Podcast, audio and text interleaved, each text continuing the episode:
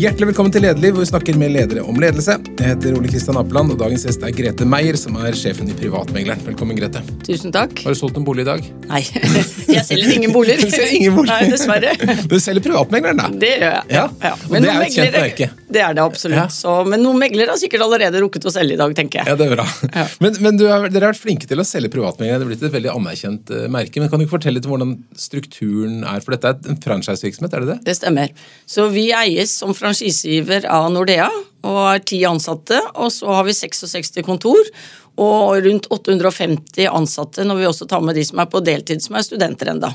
Oppfatter de deg som sjefen, de som er ute? Ja, jeg tror det.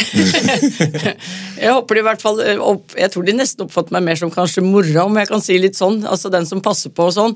Jeg håper ikke jeg er en sjef med stor S, men heller litt en som er samlende for hele organisasjonen. Mm. Privatmegleren har holdt på noen år og selger eh, mange hundre boliger i Vi selger 16 000-17 000 boliger i året. Mange, oi, såpass, ja. Ja. Det, det er veldig mye. Mer enn jeg trodde. Ja, nei da, Vi er ganske store. Vi er den tredje største etter de to bankeide, DNB og Eiendomsmegler 1. Mhm. Og så er dere også deg, da, av Nordea. Yep. Ja, så bankene er inne i alt dette her. Bankene er eh, viktige, eller vi er viktige for bankene kanskje aller mest, faktisk fordi vi genererer jo kunder over til dem når vi, de trenger finansiering. Og hva vil du at privatmeglere skal være sånn eh, posisjonsmessig i markedet? Jeg vil at vi skal oppfattes som faktisk litt sånn edgy. At vi skal være i high end-markedet, at vi skal være mer eksklusive. At vi gjør en bedre jobb, bedre kvalitet. At når du velger en privatmegler, så vil du aldri angre på det.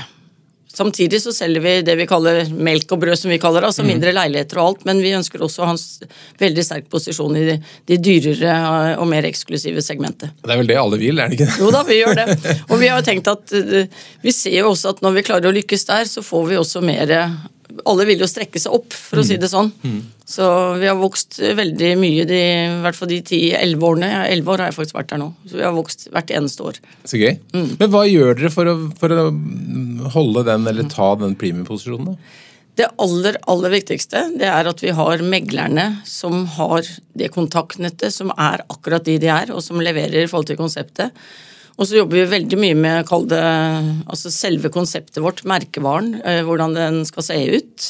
Så vi har en markedssjef som går hele tiden og skrur og ser på farver og hvilke elementer og alt mulig, så at vi hele tiden skal det. Mye svart. Mye svart, Ja. mye kobber, mye litt sånn rosaaktig eh, osv. Og, og alt dette skal jo henge sammen. Mm. Men det vi gjør for å sikre For vi- en ting er hva vi mener, men vi, annethvert år så kjører vi en stor eh, markedsundersøkelse hvor vi spør alle som har da kjøpt eller solgt siste år, og da også gjennom andre konkurrenter og alt. Og da spør vi også mye om posisjonen.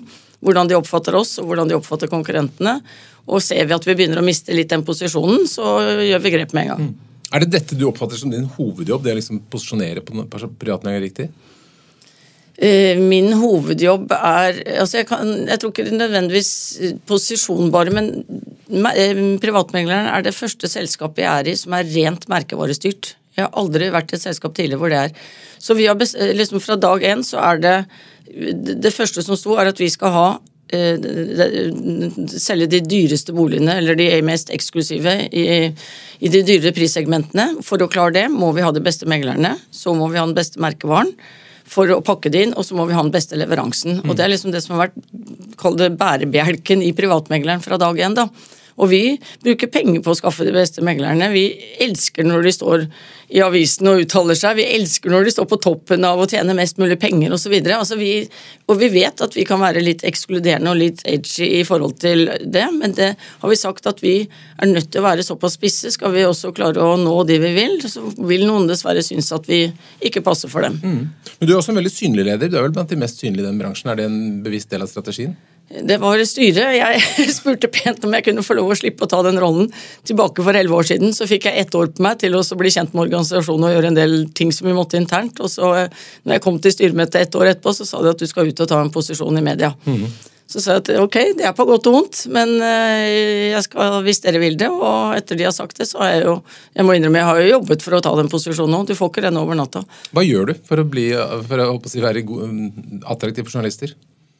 Eh, I starten så jobbet jeg med å komme med temaer og være proaktiv. Nå er jeg ikke det lenger, for nå er jeg såpass etablert på en måte. Eh, Jeg tror Det de sier, er i hvert fall at de setter pris på når du, jeg er både åpen, at jeg diskuterer ting, tør å være litt løs.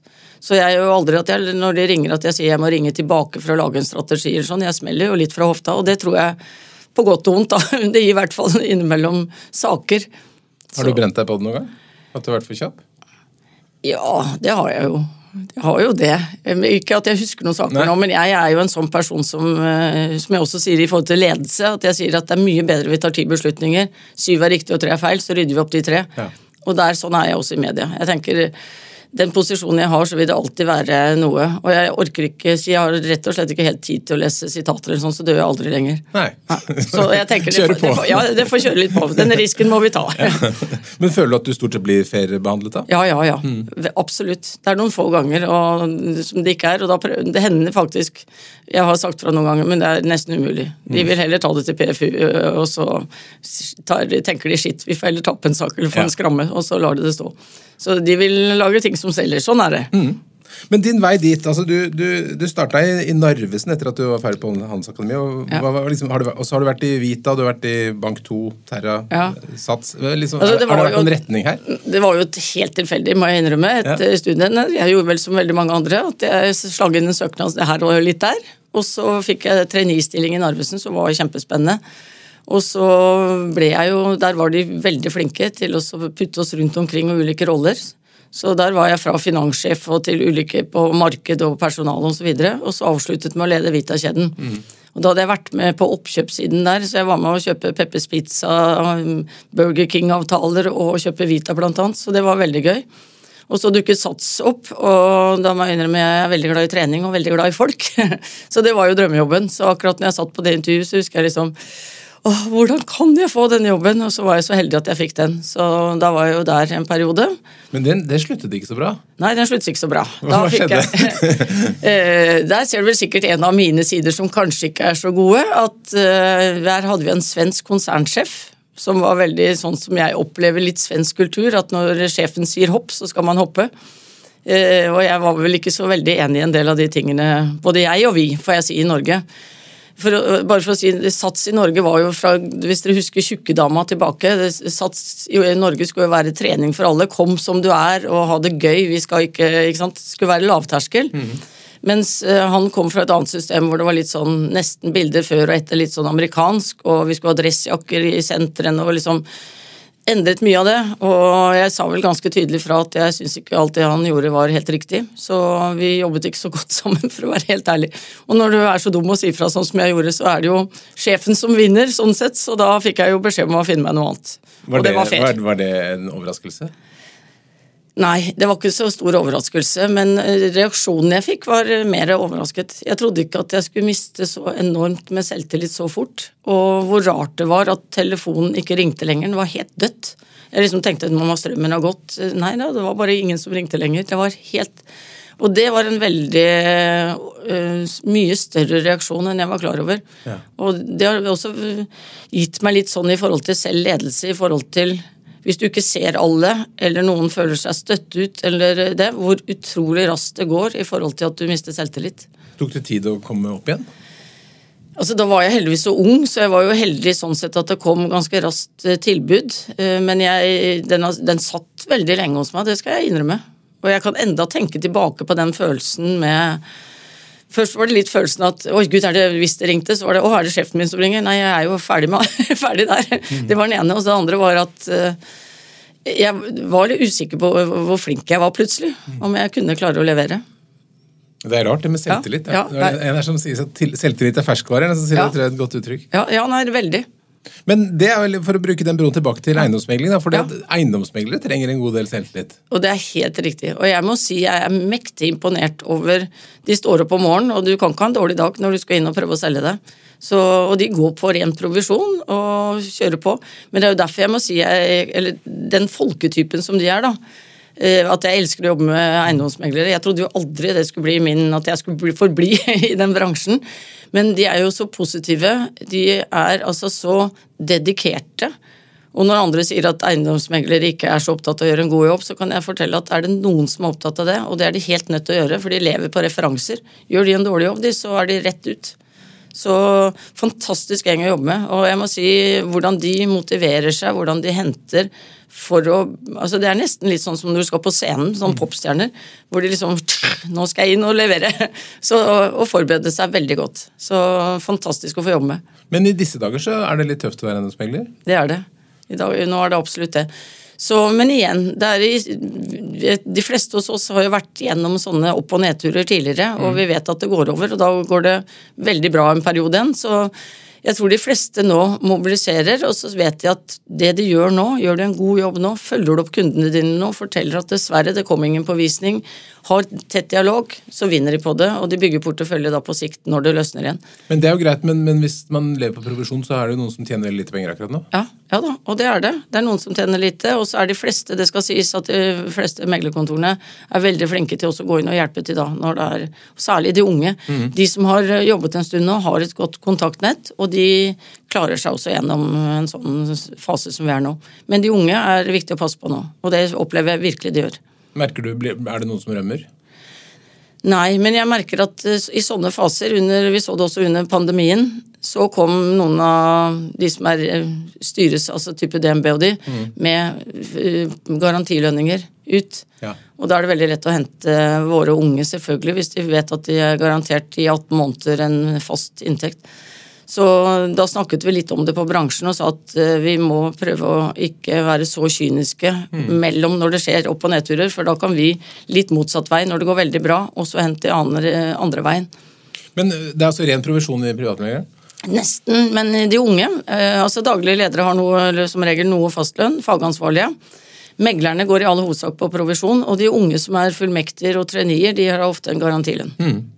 Så det betyr at eh, man, det, man, må bare stå på noe voldsomt hele tiden? Ja, det er litt sånn. Og det er jo altså Det positive er at vi tror liksom at det tjenes sykt mye en eiendomsmegler, men snittlønnen er vel i underkant av 600 000, så det er de veldig flinke og erfarne som gjør det veldig godt. Ellers så er det beinhard jobbing. Mm. Og det er jobbing om kvelder på visninger, og det er jobbing i helger med visninger osv. Så, videre.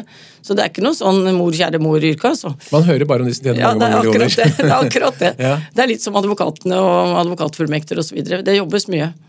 Men hva er det som er drivkraften, da? At når de vil ta en såpass risikabel jobb? Det burde du jo nesten spurt en megler om. Jeg tror det jeg hører de sier, er at de elsker yrket sitt. Mm.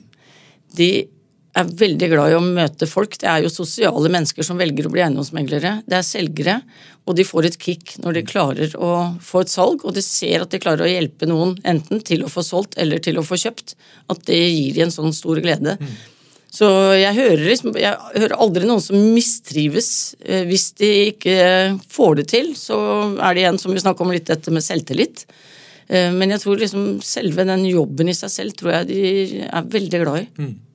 Eh, du nevnte så vidt kjøp, for det ble jeg litt overrasket så på nettsider. Man kan faktisk også bruke det til å kjøpe ting? Ja, vi, absolutt. Er det nytt? Nei, det er ikke nytt, men det er lite utbredt i Norge. Det er mye mer utbredt i utlandet, hvor du kan komme og Da bruker man ofte en, både en kjøpsmegler og en salgsmegler, på en måte. Mm. Men hos oss, vi har en del oppdrag på det, hvor du kommer og um, sier at nå ønsker jeg det er gjerne de litt dyrere boligene og sier at jeg ønsker å bo i den og den adressen, og jeg er villig til å by 25 mil, eller hva mm. det skal være. Mm. Lete opp noen. Og så tar vi henvendelser på det, det, i forhold til, og spør at nå har vi en som ønsker. Er det noen som ønsker å bevege på seg? Vurderer å flytte. Så det betyr også å ringe på døra, altså ikke bare gå etter annonser? Nei, altså vi sender, og vi kan hende at vi putter noe i postkassa da og sier mm. at dette er kun hvis du skulle være tenke på sånn, så ta kontakt. Mm. Så ja, så det gjør vi. Ellers er vi også det som det står sikkert på hjemmesiden også, kjøpshjelp. Og det er mer når du sitter og du er f.eks. i en budrunde. Hvordan går jeg frem nå? Og ønsker å ha en, en Du har jo gjerne en megler med, men hvis du ønsker en litt sånn objektiv part, eller gå gjennom salgsoppgaven og så hjelpe meg, så er det noe jeg burde spesielt ha fokus på osv. Så, videre. så vi har også en sånn tjeneste. Mm. Men da, i en nedgangstid som jo nå har vært en liten stund for dere, ja. Eh, hvordan, hva gjør du for å holde motet og gløden oppe hos alle disse folka? De er så flinke sjøl til å gjøre det, skjønner du. Så det vi gjør, er jo mer å være en fasilitator, egentlig. For vi har hatt noe som vi kaller sånn eh, hvor vi samler tre meglere fire ganger i året på Teams.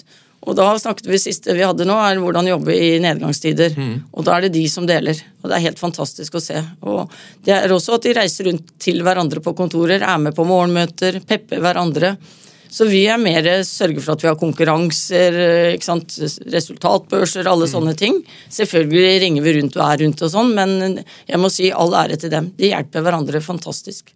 Men det må jo være noen som også sliter psykisk eh, når man ikke får altså, Ref det vi snakket om med Sats, da, at man mm. ikke får noen jobber og ingen vil ha meg og klarer ikke selv. Altså, det, ganske, det være, kunne være en ganske tøff belastning for noen? Ja da, det er helt klart det. Og der er de på kontorene igjen veldig flinke og søte med hverandre, opplever jeg. Så igjen så er det fordi vi også driver franchise. Hadde vi drevet egeneid, så hadde det jo vært litt annerledes. Da hadde vi hatt et større apparat ut, på en måte. da. Mm. Men veldig mye av det som de gjør nå med motivasjon og sånn, gjør de selv, altså på mm. kontorene. Og igjen, som sagt, de deler veldig mye. De reiser Det er kanskje det jeg syns er mest Hvis jeg skal si noen ting i privatmegleren som virkelig varmer hjertet mitt, er hvordan de reiser rundt til hverandre. De er jo på en måte skikkelig konkurrenter, ikke sant. De slåss om de samme oppdragene, men de unner hverandre så utrolig suksess og hjelper hverandre. Så, så, vi har liksom på en måte fasilitert det litt, da. Og så er det de som, det er de som kan mest, de som motiverer mest når de kommer. Så bruker vi de beste litt her og der. Mm. Og så driver vi det med salg på flere nivåer. Først skal man selge seg inn til den som skal selge, og så skal man selge boligen. Hva, ja. hva er uh, triksen, holdt jeg på å si? Hvordan, hvordan, hva skal man gjøre for å klare å selge seg inn til en, en som skal selge bolig? Ja, det er jo også, altså, Jeg vil jo i hvert fall si vær forberedt. Mm. Virkelig forberedt.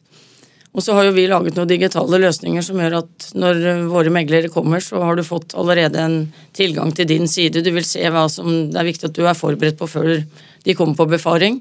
Megler sender en del informasjon om seg selv, tidligere salg, CV, litt sånne ting. Hvordan er, hva er viktig i privatmegleren, hva er vår markedsføring osv. Så, videre, og så, så jeg tror liksom det å være forberedt og forberede den du kommer til, potensielle selgeren, da, det tror jeg er veldig viktig. Mm. Og så vil jeg, som jeg sier til mange når jeg spør hvem skal jeg velge av meglere, ta inn flere og kjenn på magefølelsen, mm. faktisk. Jeg tror For du skal jobbe ganske mye med en megler når du skal selge en bolig, og det er viktig å kjenne at du har kjemi med den du skal velge. Og det er noen ganger så treffer, andre ganger ikke. Så, og det tror jeg megleren også kjenner, at noen ganger så tenker at shit, her fikk vi det ikke til, mm. rett og slett. Det var ikke noe connection. Kanskje særlig dagens marked hvor ting tar litt tid og et langt forhold til megleren sin. Ja, ja, men du får jo det. Mm. Men jeg tror igjen, altså Jeg vil i hvert fall Jeg sier det Det å selge bolig eller kjøpe, det er masse følelser involvert. Mm. Og noen få kan jo klare å være rasjonelle, men de aller fleste kjenner jo på Veldig ofte er det jo også en livssituasjon da, når du skal bytte bolig, med at du enten er det et barn til, du skal flytte sammen, du skal dessverre skille deg, du skal flytte fra, til leilighet osv. Det er alltid sånne epoker i livet som regel når du bytter, og da er det mye følelser involvert, og da er det viktig at du finner en person du stoler på. Mm. Blir så. meglerne litt sånn hobbypsykologer? Jo, men det er, det er, det ikke tvil om. Mm. Altså, det å sitte og høre på de fortelle noen med et glass vin om hva de har opplevd og hva de har gjort, er sykt fascinerende. Så det, det at de Men det som er viktig, er at du skal jo ikke speile kunden, du må jo faktisk være ærlig på det. Ellers så blir det jo bare patetisk. Det faller jo bare igjennom. Mm.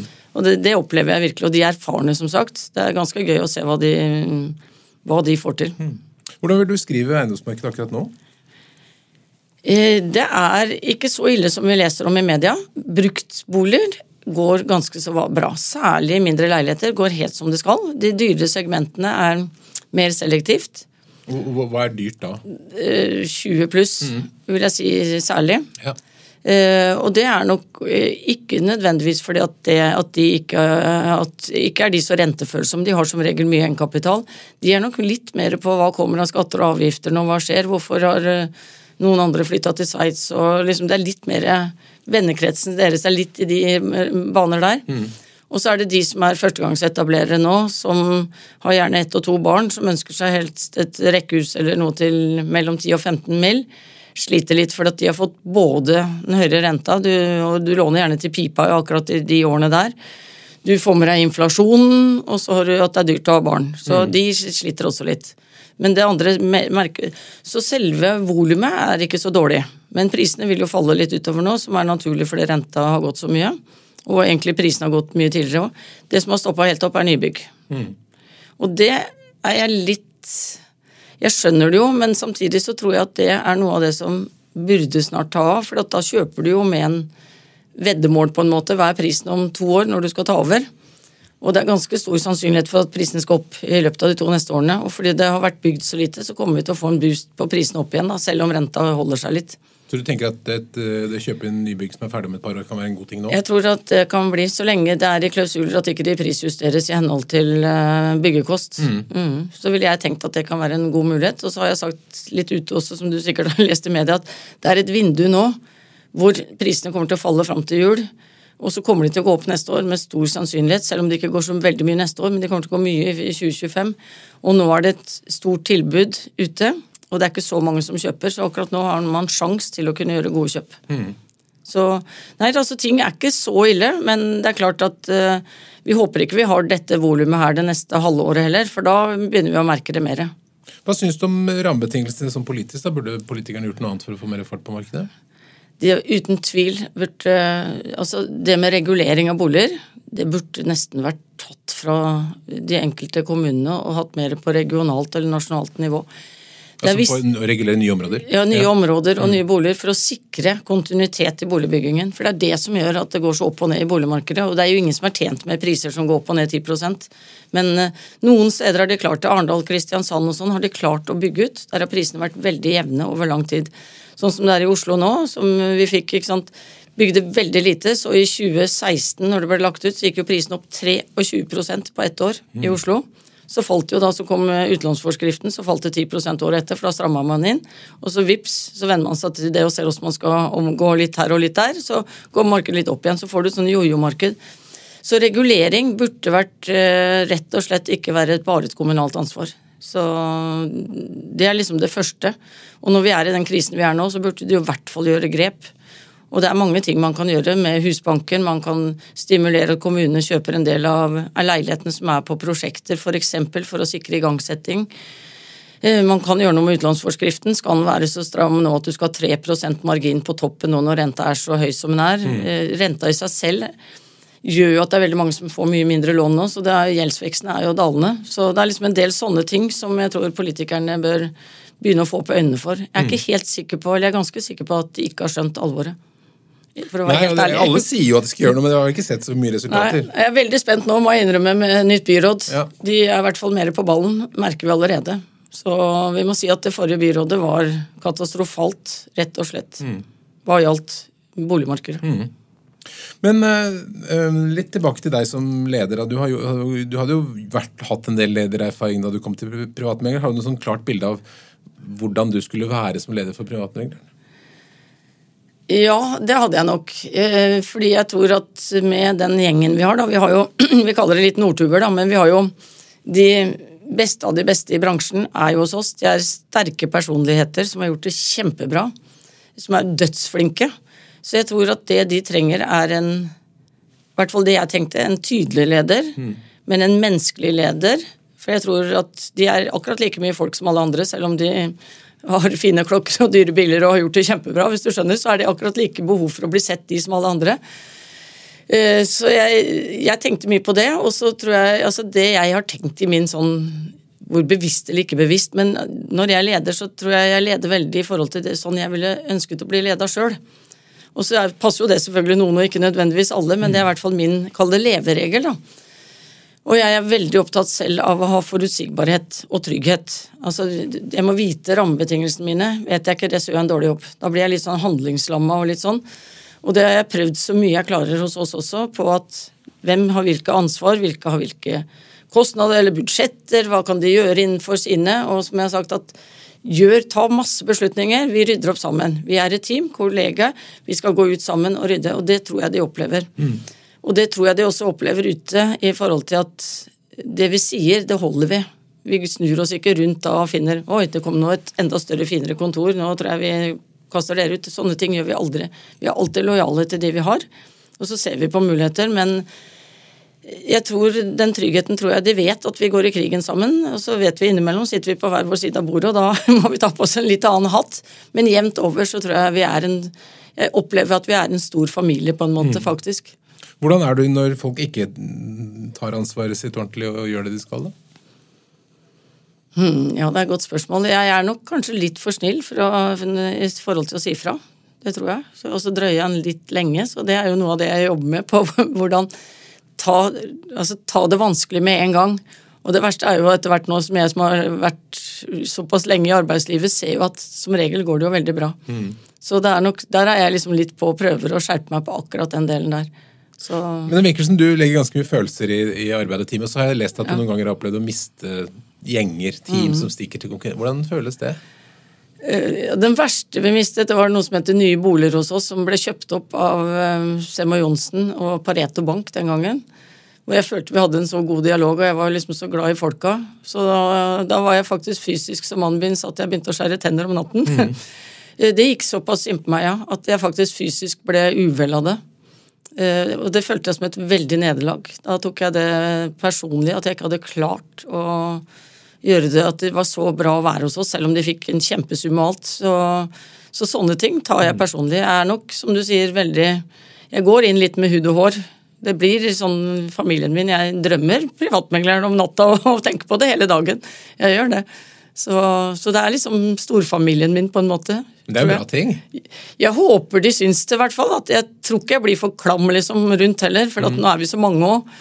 Men jeg må si, jeg tenkte på når du sa det, for vi hadde en, vi driver sånn lederprogram hos oss nå.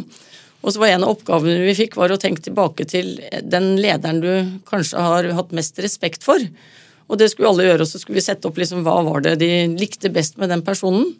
Og da kan du tenke deg, Dette er da eiendomsmegleren vår og lederen våre, som alle er, mange tror er veldig kyniske. Mm. Det som kom frem som den viktigste egenskapen, var at de så meg. Ja. Og selv de. Og det vekket eh, noe hos meg som sier at ok, selv de ønsker å bli sett, og viktigheten av å bli sett. Og det mm. tror jeg er noe av i veldig mange roller så er det jo ganske innlysende at du skal gjøre det, men også med de som selv går på provisjon og er veldig selvgående. De vil bli sett, de òg. Holder ikke med penger, du må ha oppmerksomhet også. Nei, det er å varme noen tenksomheten, faktisk. Også der. Mm. Mm. Nå er du som du var inne på en voksen dame og har vært leder i mange år. Har du, har du, forandret deg mye som leder? Er du veldig annerledes nå enn du, da du var i Narvesen f.eks.? Jeg er nok tydeligere nå. Mm. Det er nok. Og så er jeg nok litt mer kynisk nå. På hvilken måte? Eh, jeg lar, ikke, jeg lar nok ikke alt gå like mye innpå meg nå, og så er det ting jeg tenker at dette er egentlig litt feil. Så orker jeg ikke alltid å argumentere for det. Da lar jeg det gå inn i ene øret ut av det andre, for å være helt ærlig. Jeg har nok blitt flinkere liksom til å sortere. Og så tar jeg tak i de tingene jeg tror er riktige og viktige. Og så lar jeg det andre litt humpe og gå, bare putte litt under teppet. Mm. Mm. Hvordan ser dagen din ut? Hva prioriterer du å gjøre? Dagen, jeg tror Dagene mine er sykt forskjellige. Mm.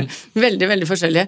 Eh, jeg er jo en sånn person som litt kjedelig, som veldig, liker å ha veldig kontroll. Liker å ha plan og vite. Så jeg har hver eneste dag så har jeg til og med gule lapper. Jeg har ikke på mobilen engang. Men jeg har alltid om kvelden har jeg en gjennomgang med meg sjøl i forhold til hva jeg har rukket å gjøre og ikke rukket å gjøre. Hva jeg må gjøre i morgen mellom ulike møter. Og min dag er alt fra å være på samlinger til å være bransje Jeg sitter jo nå og er styreleder både i Eiendom Norge og dette Bomega. Mm. Eh, så jeg bruker jo en del tid på sånne ting eh, også. Og innimellom alle møter og alt sånt, så er det som du sier litt media, og så er det en telefon til en for å bare høre Kanskje bare slå av en prat og høre åssen det går. Jeg mm. prøver å innimellom gjøre det, bare for å ringe litt her og der. Eller så er det oppfølging av henvendelser og alt mulig som kommer. Og så er vi jo en gjeng Jeg skal jo være en leder for de inne også, være tilgjengelig og diskutere alle mulige saker vi har hele tida. Så den, dagene går, i hvert fall. og det er mye, veldig mye gøy. Du nevnte Eiendom Norge som er styreleder som skal jobbe med viktige bolig- og bransjepolitiske saker, som det står i, på nettsiden. Hva, hvilke saker er det? Det er jo mye sant, i forhold til boligpolitikk, f.eks. Sånn som nå vi snakker om at eh, det ikke skjer noe på nybyggssiden. Det er en typisk sak som vi har fremmet. Mm. At det er dyre gebyrer på borettslag, f.eks. er typiske. Lovverket i forhold til meglere. Eh, hvitvasking nå som vi pålegges mer og mer. Hvordan mm. kan vi da få f.eks. tilgang til ulike systemer som gjør at vi kan gjøre en bedre jobb innenfor hvitvasking? Altså alle mulige sånne rammebetingelser. Det er mye rundt det. Vi har nå akkurat, vi skal styremøte i dag hvor bl.a. rusproblematikk. Hvordan skal vi håndtere det? Mm -hmm. Inn og er rådgivere da ut til de ulike kjedene i forhold til hvordan håndtere det. Altså blant meglere? eller blant Meglere og sånt, ja. For det er klart at uh, vi har jo sett med unge som vi hører om hele tiden mm. med dop og alt mulig. Ja. Tidligere var det liksom alkohol som var det verste. Nå ser vi at det kommer mye. Mm. Hvordan skal vi som ledere håndtere dette ut til våre kontor igjen og til våre meglere osv. Altså, og hjelpemidler og sånt i forhold til det, f.eks. Det er et spennende tema, ja. Ja, det er kjempespennende og vanskelig. For tidligere var det lettere å si nulltoleranse. Det er liksom ikke der vi er lenger. Mm. Så, så, det er ikke bare eksempler på saker som vi jobber med. Er det en velfungerende bransjeorganisasjon? veldig. Ja. veldig. Og det er faktisk veldig gøy, for jeg opplever at der er vi jo også konkurrenter, selvfølgelig. Ja, ja for det, det, er jo ja, det som er bransjeorganisasjon. Det er litt sånn iboende rar ting for at vi som er konkurrenter skal være sammen. Nei, vi hadde jo Forrige styremøte så var det en som sa at skulle vi nå legge noen retningslinjer for hvem vi har lov til å henvende oss til av ulike meglere hos mm. hverandre, så sa vi nei, det kan vi ikke gjøre. For sånn er det. Det er jo et helt åpent marked å plukke selvfølgelig som mm. det er ellers. Men jeg opplever at vi jobber veldig godt sammen som de ulike aktørene i forhold til alle da saker som ikke er konkurransesensitive. Da. Mm. Så uh, syns jeg vi er veldig flinke til å jobbe sammen. Og så er du styreleder i noe som heter Bomega, som er litt hemmelighetsfullt, men det er noe ja. som skal utfordre Finn. ja, altså Om det skal utfordre Finn, det vet vi ikke, men det vi i hvert fall gjør, er at vi skal komme med en portal som uh, vi mener er mye bedre enn dagens løsning. Altså Den er helt annen teknologi. Den er AI-basert og sånn sett vil gjøre det. Og vi tror at forbrukerne nå, og også bransjen vår, trenger en aktør til.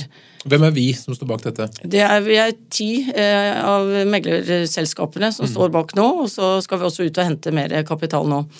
Og tanken er egentlig at eh, vi tror Det er bare i Norge vi har én aktør, det er finn.no. I alle andre mm, land så har man to og tre og fire portaler. Mm. Og det vi ser er at når en monopolist eh, er alene, så er det ikke alltid alt blir like bra. Og vi opplever vel at uh, Finn, i hvert fall det tekniske, har liksom vært på samme sted nå over svært mange år. Og prisene øker veldig mye, selv om det ikke skjer noe nytt. Og det er vel en situasjon vi ønsker og tror det er riktig at det da kommer en utfordrer inn der, kan være med å hjelpe til, sånn at vi klarer å kanskje få et litt annet bilde. Men Finn er jo elsket av folk flest, så det er vanskelig å få dem til å flytte. Altså, ja. Man må jo være der kunden er. det er helt riktig. Ja. Og Derfor tror jeg nok at uh, Finn kommer nok til absolutt å bestå videre. Mm. Men vi tror nok at funksjonaliteten her, da, tror, i hvert fall mener vi, er såpass annerledes og veldig mye bedre at jeg tror vi allikevel da skal kunne få et fotfeste.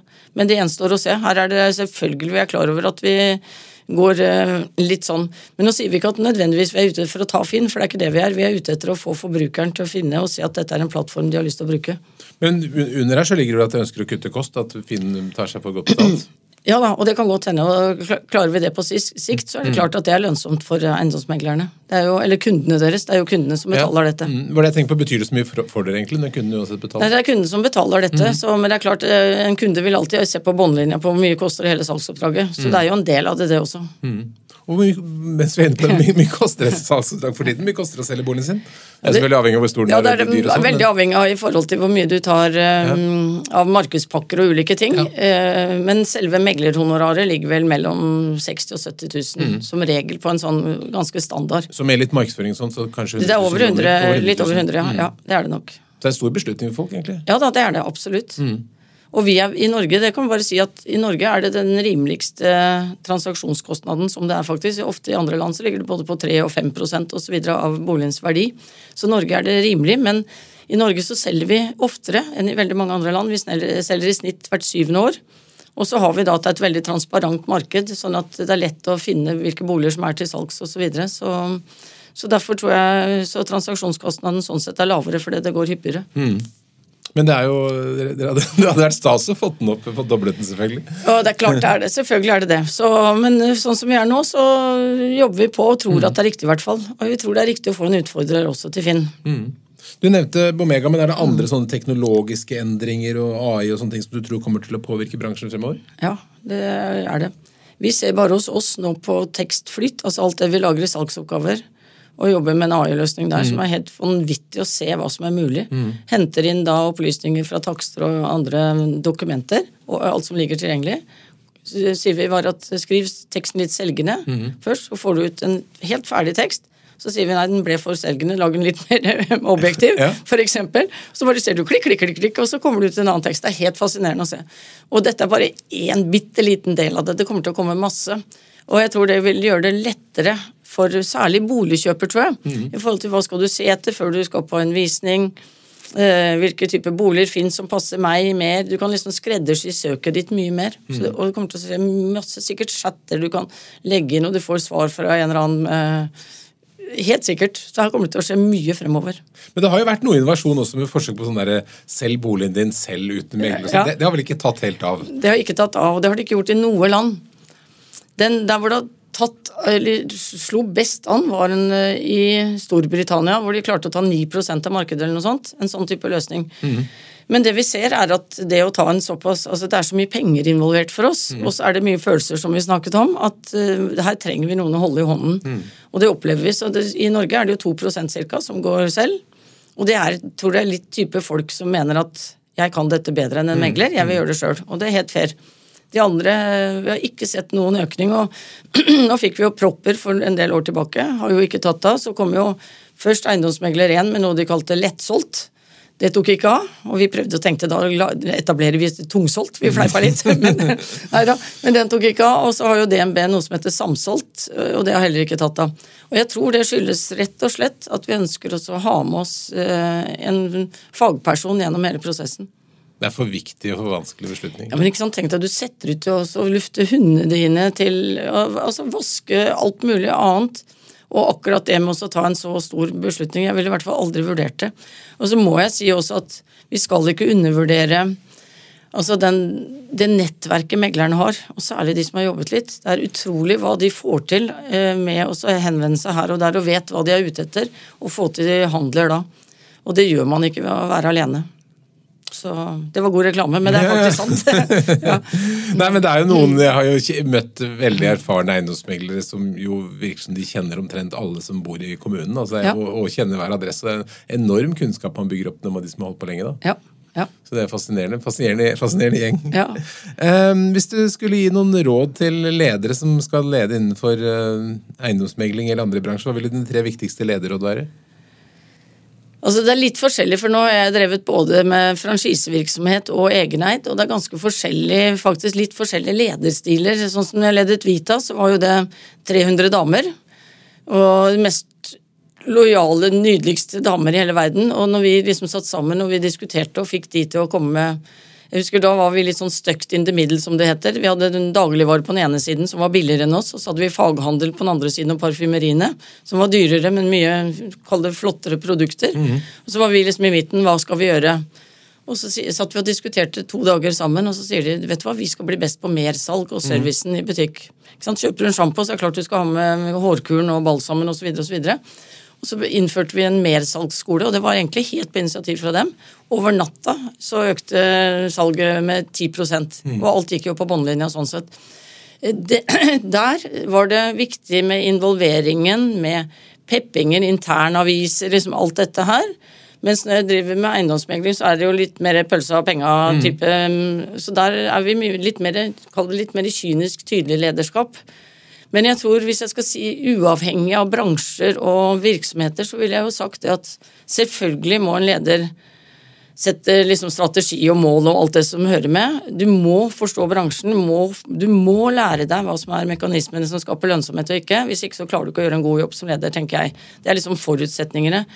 Etter det så tror jeg på, personlig, det er sikkert fordi jeg er litt sånn også, men at man må være litt nær, være slippet Jeg tror på at det er bedre å være for nær og for tilgjengelig enn det motsatte. Mm. Og jeg tror at gi så mye informasjon du kan, istedenfor å holde igjen og lage på en måte litt den makta ved å sitte med for mye informasjon. Vær så transparent som mulig. Skap så mye trygghet, og skap så mye forutsigbarhet som mulig. Det er i hvert fall det jeg har levd med. Og jeg jeg liker det veldig godt selv, i hvert fall. Vi pleier å gi tre, så du, du kunne mm. bransjen være nær. Du skal ja. få en til. Være nær, og så forutsigbarhet. Skap forutsigbarhet. Mm. Det er kanskje den aller altså Du må jo selvfølgelig ja. forstå bransjen, men mm. forutsigbarhet. Du er nødt til å lage forutsigbarhet for dine. Hvis mm. ikke klarer man ikke. God råd. Du blir livredd. Til slutt, når tror du de gylne dagene kommer tilbake i eiendomsmeglerbransjen? Jeg har et håp om at vi i Q2 begynner å se Jeg tror Q1 også kommer til å bli litt tungt. I Q2 tror jeg vi mm, kommer til å se at det begynner å løsne. Og så tror jeg at høsten begynner å ta av ganske mye. Og vi må huske på at det er mange som nå har sittet på gjerdet, som egentlig må bytte bolig. Mm. De har plutselig fått et barn til og sitter trangt nå, eller de har bytta jobb om å pendle eller kjøre ganske langt nå osv. vi får alltid en sånn litt ketsjup-effekt etter nedturer, og den tror jeg vi kommer til å få rundt uh, sommeren uh, neste år. Så neste jul blir det fest? Neste jul blir det fest. Jeg tror 2025 blir det fest. 20, okay. ja, men jeg tror altså For de som skal kjøpe igjen, da. Jeg tror prisene kommer til å gå opp neste år. Jeg tror volumet kommer til å bli omtrent på det nivået vi har i år. Mm. Men det tar seg opp mer utover året. Men 2025 så tror jeg det blir fest. Da sier vi det. Da, da kan vi danse rundt. Grete Meier, tusen takk for at du kom til Lederliv. Takk for at jeg fikk komme.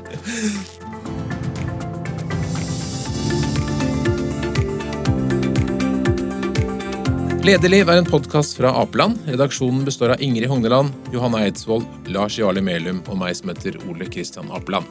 Og du er hjertelig velkommen til å sende ros, ris, tips om ledere eller hva du måtte ønske til ole.apeland.no.